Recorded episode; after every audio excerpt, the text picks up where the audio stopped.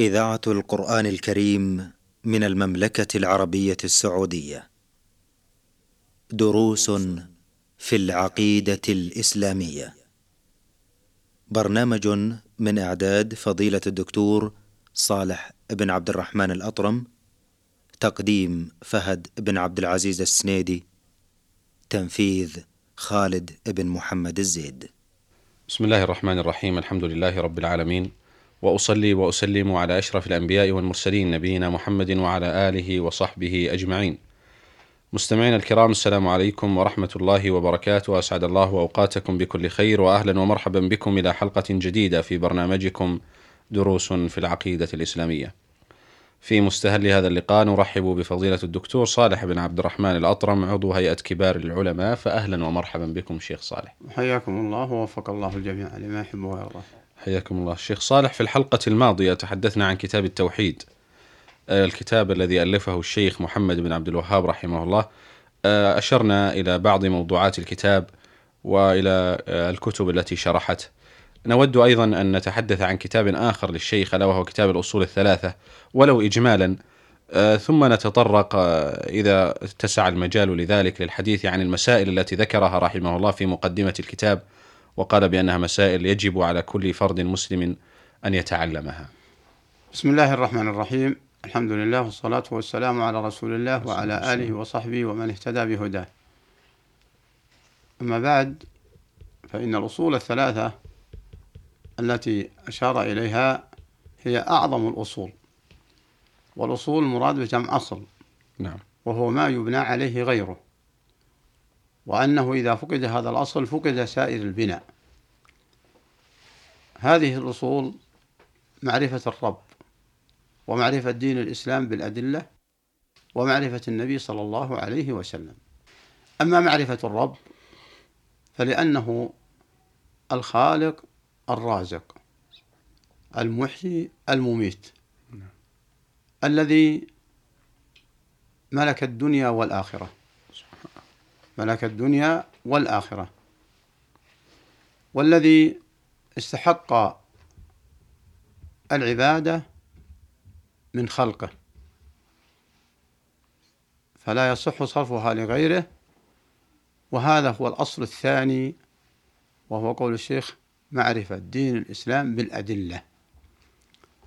لأن معنى الإسلام الاستسلام والانقياد. لله سبحانه وتعالى بالتوحيد والانقياد له بالطاعة وأن يبرأ من استسلم لله بالتوحيد وأطاعه يبرأ مما يغضبه ومن متابعة أعدائه. هذا دين دين الإسلام. هذا الأصل الثاني. ثم إن الدين الذي هو دين الإسلام له مقومات وله أسس وله مراتب. ستأتي إن شاء الله تعالى الإشارة إليه بإذن الله إلى ذلك. أرجو ذلك وأرجو من الله التوفيق. وأما الأصل الثالث فهو معرفة النبي. محمد صلى الله عليه وسلم. نعم. الذي أرسله الله إلى خلقه ليبلغهم هذا الدين بأدلته وليعرفهم بحق خالقهم عليه. فمن آمن بهذه الأصول الثلاثة وفقه الله للقيام بما أمر به. قال تعالى سبح اسم ربك الأعلى الذي خلق فسوى والذي قدر فهدى والذي قدر فهدى. نعم. فقوله سبح اقتضى تعظيمه سبحانه وتعالى سبح اسم ربك الأعلى. قوله الذي خلق سبب هذا التعظيم. والذي قدر الخلائق وقدر المخلوقات وقدر في سابق علمه الخير والشر وعلم من هو أهل للخير ومن هو أهل للشر فهدى أهل الخير للخير وأهل الشر للشر والذي قدر فهدى. من يبين لهم هذا؟ هو محمد عليه الصلاة والسلام. فأوجب على الخلق الإيمان برسالة محمد حتى يقبلوا ما جاء ما جاء به. فهذه الأصول الثلاثة معرفة الرب معرفة دين الإسلام بالأدلة ومعرفة محمد عليه الصلاة والسلام الذي أرسله الله دليلا وهاديا ومرشدا وإنك لتهدي إلى صراط مستقيم. إلى صراط مستقيم. نعم أحسنتم شيخ إذا تحدثنا عن إجمال الحديث حول هذا الكتاب كتاب نعم. الأصول الثلاثة أود إذا تكرمتم شيخ أعيدها إفرادا فقط الأصول الثلاثة وهي معرفة, معرفة الرب. الرب نعم اثنين معرفة دين الإسلام بالأدلة, بالأدلة. نعم ثلاثة معرفة النبي محمد عليه الصلاة عليه والسلام, الصلاة والسلام. نعم. الشيخ رحمه الله في خلال حديثه في مقدمة الكتاب تكلم عن مسائل مهمة أشار إليها وقال يجب على كل فرد مسلم أن يتعلمها. نعم. نود الإشارة إليها إذا تكرمتم شيخ. نعم. الشيخ محمد رحمة الله عليه سلك بدعوته تعليما بطريقة عجيبة تصلح تصلح للخاص والعام. نعم. فكان يأتي بالمسائل مجزأة لأنه يعتبر نفسه أنه ملقن. لا يستغني عنها طالب العلم وهي تسهل على العام وعلى متلقيها. فهذه الأصول الثلاثة مجموعة من رسائله ومن كلامه. لما جمعت الأصول الثلاثة التي هي ألفها لتسهل على العامة بطريقة السؤال والجواب. من ربك وما دينك ومن نبيك؟ بماذا تعرف ربك؟ ما الدليل؟ بآياته ومخلوقاته ومن آياته كذا ومن آياته كذا آه، أنواع العبادة. آه، جمعها آه، أحفاده. هذه الأصول الثلاثة وما يتعلق بها. المسائل التي قدمها مسائل أربع ومسائل ثلاث. لما كانت هذه المسائل متضمنة لما جاء تحت الأصول الثلاثة قدموها. الذين جمعوا هذه المسائل من الشيخ فسميت الأصول الثلاثة. فشملت الجزئيتين المتقدمتين التي هي الأصول الأربع التي هي المسائل الأربع نعم. والمسائل الثلاث. أما أما المسائل الأربع التي قدمت آه، فيقول فيها رحمة الله عليه اعلم رحمك الله. اعلم رحمك الله. فهذا دل على أنه يخاطب مسلمين لكن عندهم شيء من الجهل والخرافات. لأن لو كان يخاطب كافر ما يدعى للكافر بالرحمة قبل أن يسلم. نعم. ولكن كان يقول اعلم هداك الله. نعم. اعلم هداك, هداك الله. هذا فدل على أنه يخاطب مسلمين. ودل على أن الجهل في وقته مستحكم. مستحكم. فقال اعلم رحمك الله أنه يجب تعلم أربع مسائل.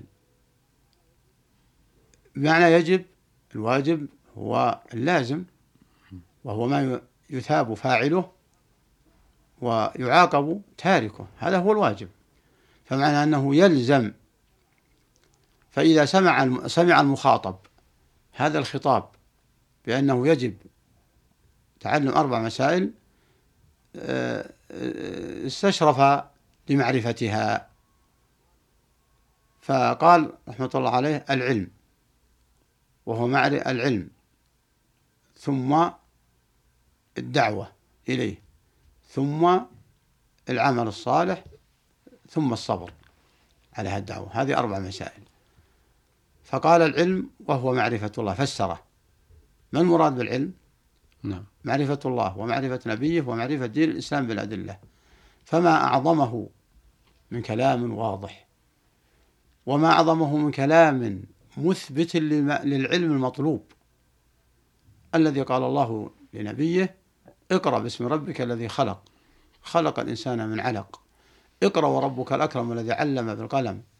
علم الإنسان ما لم يعلم. فالعلم الصحيح والعلم الحقيقي والعلم الذي به سعادة الدنيا والآخرة والعلوم الشرعية. العلوم الأخرى لا تنكر ولكن إذا كانت مباحة كالصناعات وسائل العلوم الدنوية والزراعة وغير ذلك من الحرف هي للتقوي للتقوي على عبادة الله وحده وعلى القيام بما يجب له. فيأتي الأجر عليها تبعا. ولكن العلم الحقيقي مع ما أشار إليه معرفة الرب ومعرفة دين الإسلام بالأدلة ومعرفة النبي عليه الصلاة والسلام. وعليه يتبين لنا من قالوا العلم المراد به هو العلم الكوني. علم الكون. أو المراد به العلوم المادية فيصرفون العلم الحقيقي للعلوم المادية ويرونها هي متعلقهم وهي مناطهم نعم. وهي آمالهم فيتناسون ما خلقوا من أجله وهو عبادة الله وما خلقوا للاستعداد له وهي الآخرة فإذا كان هذا التفسير فإنه لا فرق بين المسلم من يدعي الإسلام وهو يفسر العلم بهذا التفسير وبين آه، غير المسلم بدليل قوله تعالى يعلمون ظاهرا من الحياة الدنيا وهم عن الآخرة هم غافلون من هؤلاء؟ أليسوا غير مسلمين؟ ولكن أكثر الناس لا يعلمون ثم أثبت لهم فالعلم المنفي في قوله ولكن أكثر الناس لا يعلمون هو العلم الحقيقي الذي خلقوا من أجله وهي عبادة الله والاستعداد للآخرة. هذا الذي خلقوا من أجله. فلما نفى الله عن العلم الحقيقي عن الكثيرين أثبت آه، ما ما يعلمونه. يعلمون ظاهرا من الحياة الدنيا وهم عن الآخرة هم غافلون.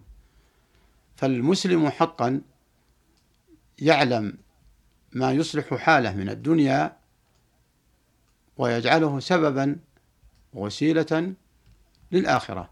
أما أن يتعلق بعلوم الدنيا ويغفل عن الآخرة فهذا لا فرق بينه وبين من وصفهم الله في هذه الآية.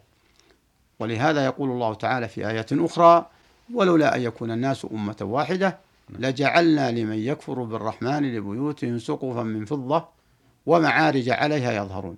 ولبيوتهم أبواب وسرعا عليها يتكئون وزخرفا. وإن كل ذلك لما متاع الحياة الدنيا.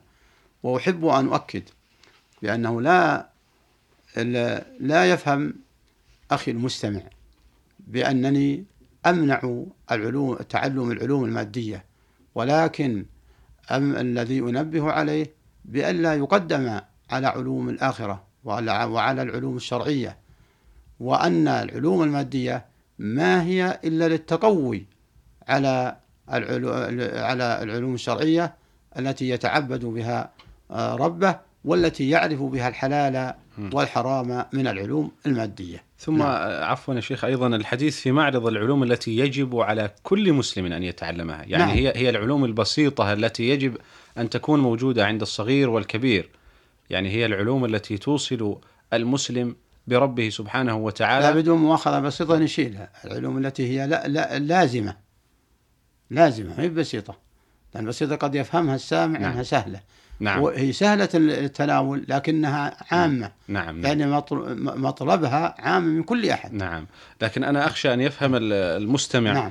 أن المقصود بحديثنا هو التوغل أو الاستزادة في طلب العلم في هذا المجال. وإنما جي. نحن نقصد أن العلوم الواجبة على كل مسلم. لا يعذر أحد بجهلها. نعم, نعم. جميل. وبالتالي آه، يعني تكون المقارنة بينها وبين العلوم المادية نعم. آه، غير موجودة لأن هذه العلوم التي نشير إليها يجب على كل مسلم أن يتعلمها. نعم. يجب على عالم الشريعة وعلى عالم الطب أن تكون عنده. والصناعة والزراعة. نعم. وأنها لا تنافي. لا ت- لا تنافي طلب العلم. نعم. بارك الله شكر الله لك شيخ صالح على هذا البيان وأتمنى بإذن الله تعالى أن يتجدد لقاء وأنتم على خير. مستمعينا الكرام في الختام آه، تقبلوا تحية زميلي أحمد الغامدي من الهندسة الإذاعية حتى نلقاكم في حلقة قادمة نستودعكم الله والسلام عليكم ورحمة الله تعالى وبركاته. دروس في العقيدة الإسلامية برنامج من إعداد فضيلة الدكتور صالح بن عبد الرحمن الأطرم تقديم فهد بن عبد العزيز السنيدي تنفيذ خالد بن محمد الزيد.